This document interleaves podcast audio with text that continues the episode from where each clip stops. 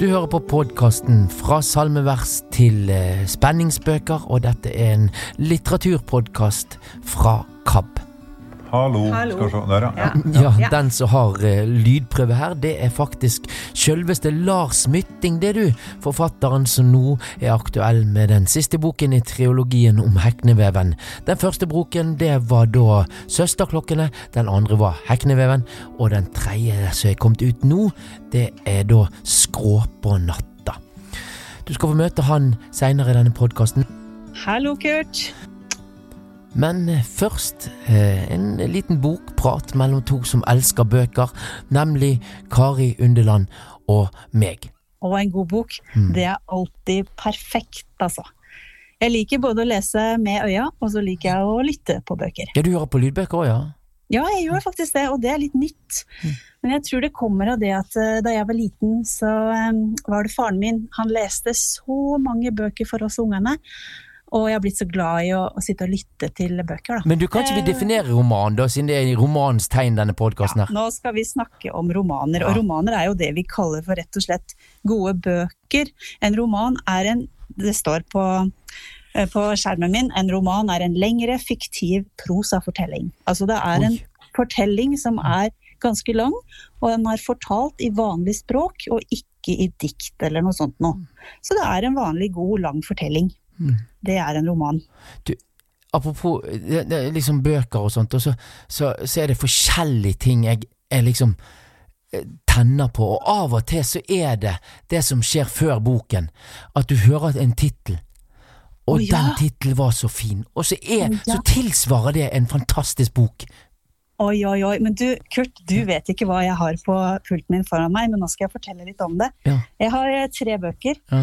De er litt sånn eh, myke å kjenne på, men, eh, men de er fint innbundne. Mm. Og i ryggen så har de skinninnbundet rygg, da. Oi. Og de er fra før krigen. Og du nevnte at det er så fint når du hører en bra tittel. Hør på de titlene her, da. Og bakom synger skogene. Å! Jeg tenkte på den i dag! Jeg tenkte på den i dag! Det blåser fra Dauingfjell. Ingen vei går utenom. Å, for noen Ja. bøker du har der! ja, og grunnen til at jeg har med de tre i dag, er at eh, eh, forfatteren bodde jo i Eidsberg, min hjemkommune. Trygve Gulbrandsen. Trygve Gulbrandsen, helt riktig. Og hvis jeg skulle gi eksempler på gode romaner, så tok jeg med de. Det er jo en trilogi. Men eh, også når vi snakker om KAB, så er det ofte snakk om kristne romaner, eller kristne bøker. Hva skal vi si om det, Kurt? Nei, hvordan kan en bok være kristen? Det er et uh, spørsmål i seg sjøl, tenker jeg. Nei, men altså, nei, jeg, jeg, jeg har lest mange bøker som ikke gis ut på, på kristne eh, forlag, og ikke en kristen roman, men som gir meg gode jeg håper å si gudsbevis og, og, og gode refleksjoner rundt dette med tro, da. Jeg er helt enig. Eh, refleksjoner om tro, det har vi jo veldig mye i særlig historiske romaner. Mm. Og, og den trilogien jeg nevnte fra Trygve Gulbrandsen, den, den er full av refleksjoner om Gud og tro og Jesus. Massevis. Som òg kan Men, gi eh, oss noe, som lesere ja, og troende. Ja. For jeg syns at det, det har noe å si for hvor, en, hvor god en bok er. Mm. Altså, En roman kan jo bare være en lang historie, men for meg så blir det kanskje litt sånn flatt. Jeg liker bedre hvis det er flere historier inni hverandre. Og så blir det enda bedre hvis jeg får gode betraktninger og refleksjoner rundt det som forfatteren legger i karakterene sine. Da. Mm. Så det, det hever boka for meg, i hvert fall. Mm. Ja, den boken der var jo Altså, det som mm, Og bakom synger skogene, det handler jo om liksom de store skoger og kraftige, kloke bønder, for å si det sånn. Og, og, og, og ganske bonderomantisk. Men, men det som slo meg der, det var liksom disse sterke mannsskikkelsene som, som du ikke nådde til knærne, og liksom Du fikk litt helter i de bøkene, følte jeg. Og så, jeg husker hvor tid, når jeg leste disse bøkene, jeg husker jeg satt på en ti ti kvadrats eh, hybel i, i Trondheim og, og var nygift, uh, og, og, og liksom det gjorde sånn inntrykk, og det, det, det, det gikk rett inn, og så mye kjærlighet der, sant, som òg kan i visse tider være veldig kjekt. Ja. og så er det litt sånn, jeg har lest de nå akkurat, eh, så det er ganske ferskt. Ja. Og det er veldig mye tro og tanker om Gud i de her helteskikkelsene, faktisk. Nei, eh, jeg ser på det som at eh, hovedpersonen, en av de som heter Dag, Mm. eh, starter som veldig steil og veldig hard, men gjennom sitt studier eller sine tanker om Gud og Bibelen, så blir han en helt forandra person, og han dør som en på en måte mild person som er mye mer ettergivende. Og det forankrer dem i en gudstro i boka. Ja, dette det er veldig spennende. Ja, det er spennende, og dette er jo en gammel bok, men, men du skal Absolutt. ikke langt tilbake i tiden. Jeg leste en bok her nå eh, som het eh, Nattergal. Det var liksom for Frankrike i, i, under krigen, og motstandsbevegelse og greier og greier, og katolisismen, og, og trøsten eh, den ene personen søkte når det blåste som verst i kirken og hos nonner og hos Gud, men òg så var jo det menneskelig inni dette rommet, den tvil og raseriet og kanskje benektelse av guder i forhold til hvor forferdelig Mm. folk Mm. kunne være mot med hverandre, da.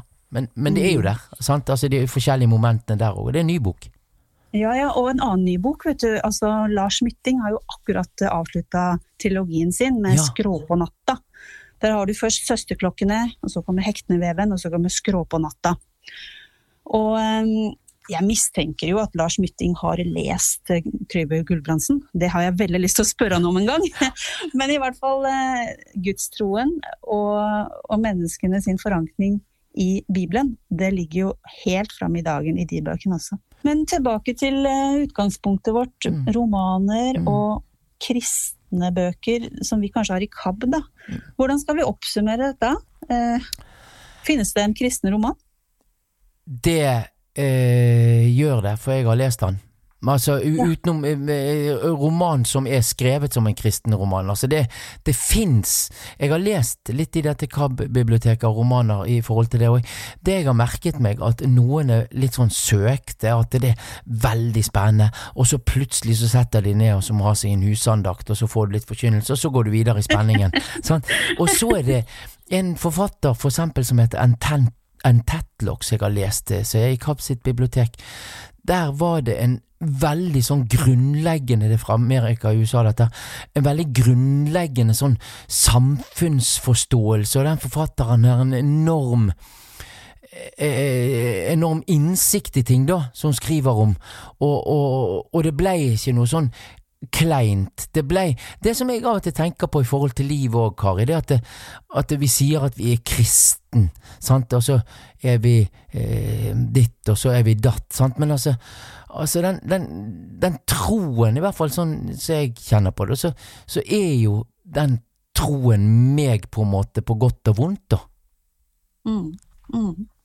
Og, og sånn kan vi vel tenke i bøker òg, at en tro gjennomsyrer eh, det som står der, og ikke nødvendigvis er den derre kristne boka der man setter seg ned og har andakt, for eksempel. Mm, mm, Jeg syns det er vanskelig å definere noe som kristenlitteratur og noe som ikke.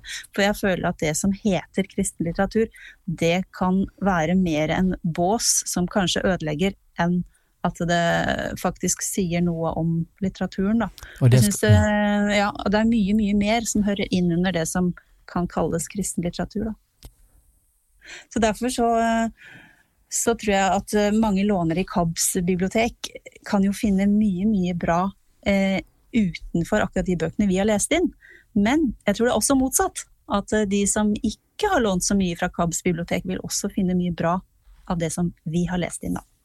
Ja, jeg har lest mange av de bøkene der, og jeg må bare anbefale en til sånn eh, kristen roman, hvis du kan si det, jeg husker ikke forfatteren, men det var en lang serie som jeg hadde god tid der en stund, og, og, og, og leste hele den serien, og det var fantastisk. Det var utrolig gode bøker, og der eh, Gud var, var der eh, på en naturlig måte. Preludie i Wien heter den første boken, og det var da liksom før krigen og dette her med, med eh, hjelpe jøder ut av landet og, og de tingene, og det er veldig spennende og en enormt god bok. jammen meg så gikk det troll i ord, her, gitt. Nå sitter da Kari Underland med selveste Lars Mytting og kan få lov til og med å spørre han med dette med og bakom Singerskogene. Um, nå sitter vi i storbyen. Vi eh, er på Lambertseter. Jeg heter Kari Underland, og sammen med meg har jeg Lars Mytting. Så bra at du kunne komme. Takk skal du ha. Ja, kjempefint. Um, du er en travel mann. Du er mange plasser om dagen, Lars. Ja. Uh, hvor har du vært i det siste? Nei, akkurat i dag har jeg vært rundt i bokhandler, og før det var jeg på i direktesending på radioen. Og så før det at så var jeg i Fredrikstad, og før det at besøkte jeg òg bokhandlere. Ja. For vi, jeg må vel nesten si at du er en sånn suksessforfatter nå. Nå er det veldig mange som vet hvem du er. Ja, nå er det jo det. Men uh, alle, alle starter et sted. Og uh, det gikk veldig bra med første boka mi, men uh, etter at jeg skrev andre boka, så var jeg like så solgte ikke så mye. Og det var vanskelig å sånn, bryte fri fra en vanlig jobb og satse på det. Ja. Og jeg var raka blakk og usikker i, i, lang tid. Og da var jeg jo ganske voksen. Ja, ja. Da jeg var ja, Men, passert 40 da den perioden var. Så det, det er ikke slik som jeg Det er ikke kommer. bare glamour? Nei, nei, nei, det er ikke det. Det, det bør det ikke være. Det bør nei. være noe du Så det er hardt arbeid? Ja, det bør være noe å ofre noe for, ja, i hvert fall. I, I, hvert fall hvis du vil ha det som et uh, yrke. Jeg tror mange kan ha ei eller to gode bøker i seg, men uh, for å fortsette å skrive lange historier og ta i seg si, muligheten da, til å ta et materiale og, og gjøre det Altså å skrive om andre, og ikke bare skrive om noe fra eget liv. Da, da, da, kreves det nok at en uh, går inn i en rolle som uh, mer en like, allmennforteller. Henter fram uh, en evne til å uh, si, besjele, logge dramaturgi og si, interessere seg mer for eller, I tillegg til det, interessere seg ekstra for forskjellige måter å fortelle historier på. Forskjellige måter å fortelle, ja. ja. For nå gikk det, det gikk åtte år imellom den toerboka og treerboka, ikke sant? Nei, eh, åtte år på, på alle, alle, tre, alle, tre, ja. ja. Men, uh, men, den siste, da, var det vanskelig? Ja, det støtte vanskelig. Den, uh, den uh, var vanskelig fordi hun ble, hun ble jo mye lenger enn jeg hadde trodd. Og hun skal ta i seg alt som si, har skjedd i de førre bøkene, og bringe det til ende. Så det hår bok er støt vanskelig for hår bok, og det skal være det. For vår bok krever en egen måte å fortelle på, som står i ei pakt med det som berettes. Og da, og da, mener jeg at da vil og bør språkstilen støtt være litt forskjellig. Så det gjelder å finne den tona som kler det. Det var litt fint du sa tonen som kler det.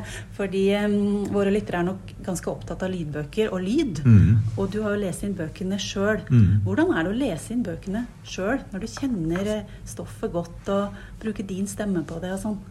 Ja, det, for det første så hadde jeg en veldig høy terskel for å gjøre det. Jeg tror jeg verken torde eller fikk gjøre det på de, på de første bøkene. Da var det skuespillere som, som gjorde det. Og jeg har en veldig jeg har en veldig respekt for eh, den delen av skuespilleryrket der de bruker stemmen aktivt og gjerne legger forskjellig mm, skap, si, Gjenskape personen gjennom forskjellige stemmer og talemåter.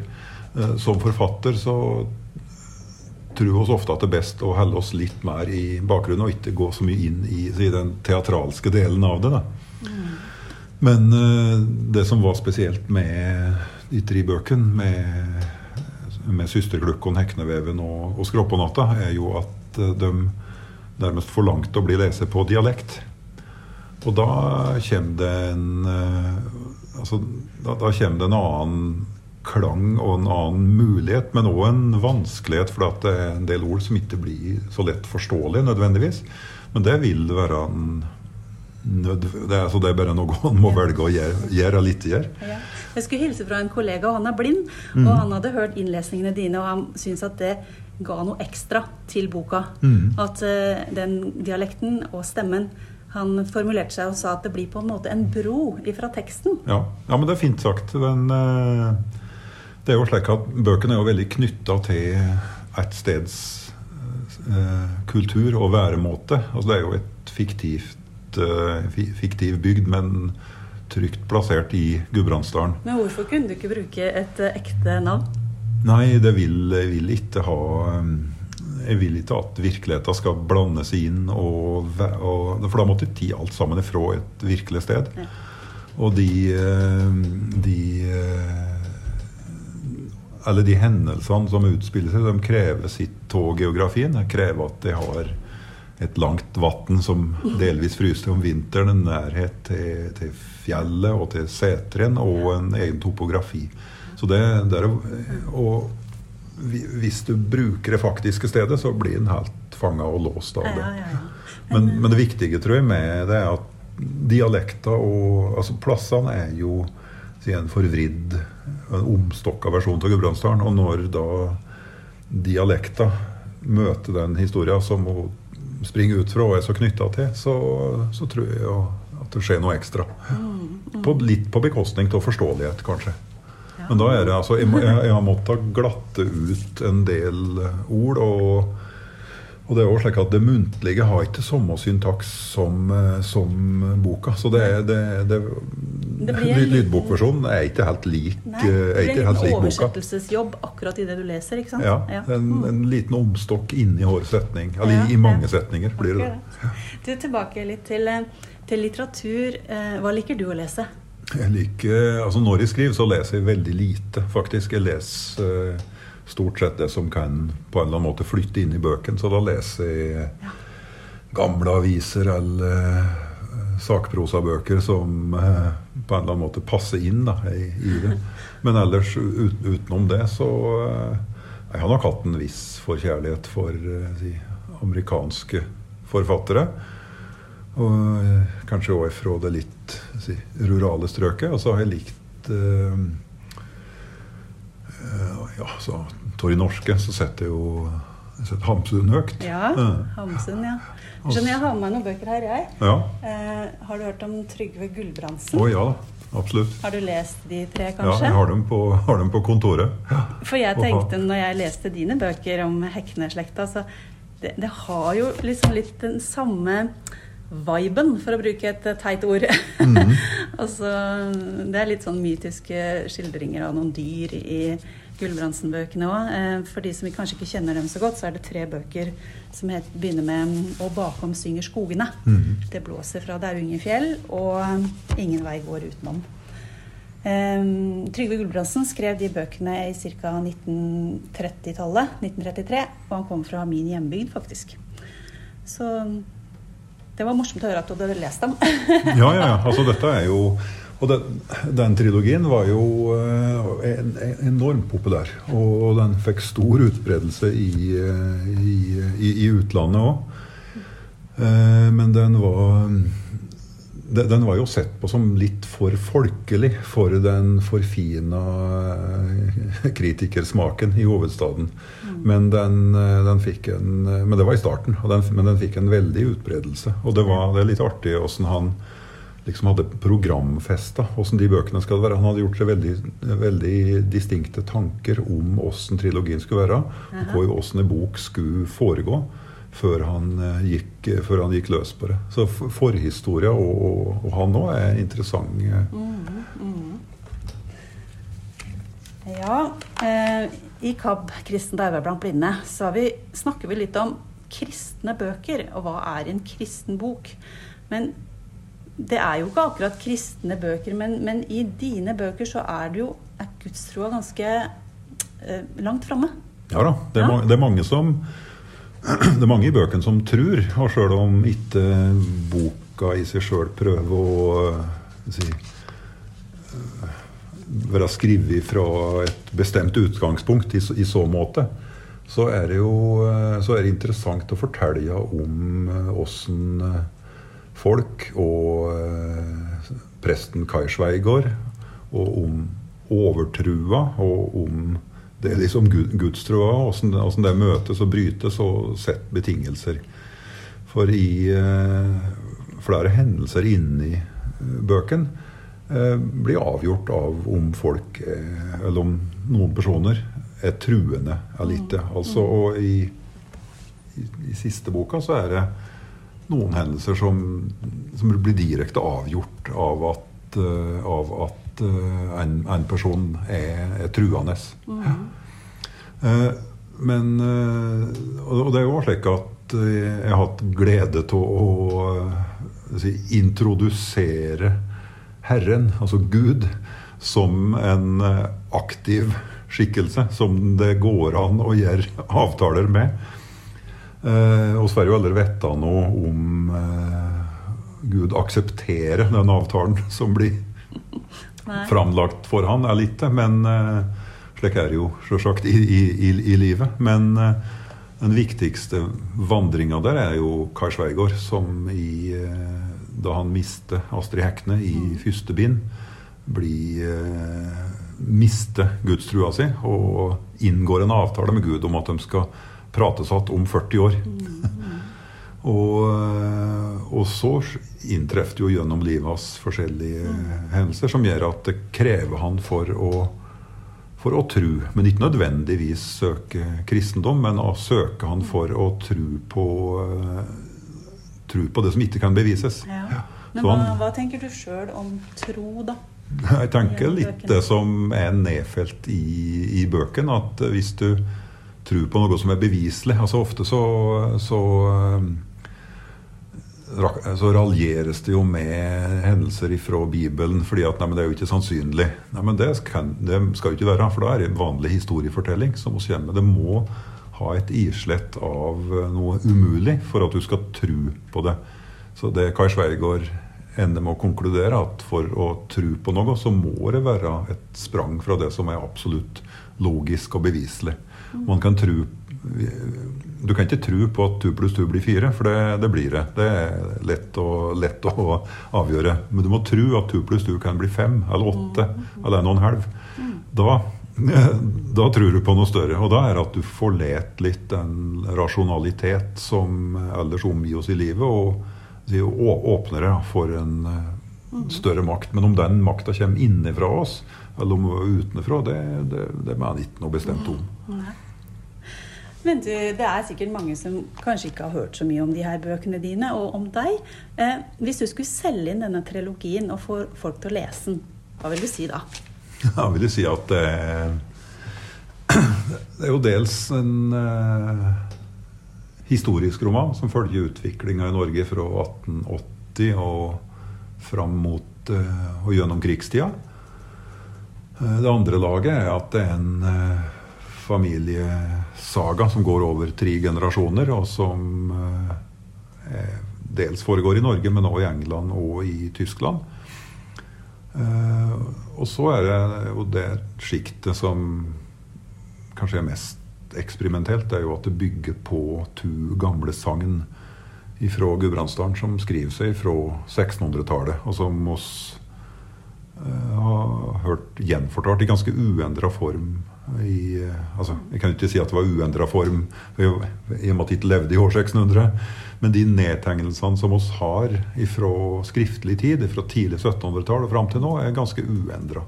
Og det forteller om to eh, kirkeklukker som ble støpt til minne om to søstre som var sammenvokse ved hoftene. Og som fikk vevd en vevnad som de ga til kirka, med en bønn om å få dø samtidig. Så det er den, den myt, mytiske grunnloven i, i, i fortellinga. Ja, for nå, nå, gir du meg mange fakta og forteller hva fortellingen handler om. Og jeg har jo lest den, men, men jeg må jo si at det er jo den følelsen disse bøkene gir meg, som gjør meg så veldig engasjert. Jeg blir så engasjert. Jeg vet jo omtrent at disse her folka har levd. Og når jeg har hørt deg fortelle om disse menneskene nå, så tror jeg på det. Mm. Du forteller om den og den, og det og det skjedde. Eh, du klarer i hvert fall å skape veldig levende figurer eller karakterer. da. Ja, ja. Må, jeg, jeg, må For meg er det som at jeg forteller om noen som har, har eksistert. Ja. Og jeg, jeg blir jo begeistra og oppglødd over ja. å kunne fortelle om dem. Du føler litt med dem? ja da, jeg gjør det. Så. Ja, men det er bra. Takk til Kari Hundland der, altså, som klarte å få tak i Lars Mytting til tross for en enorm travel hverdag for han nå, når han lanserer den nye boken som heter Skropp og natta.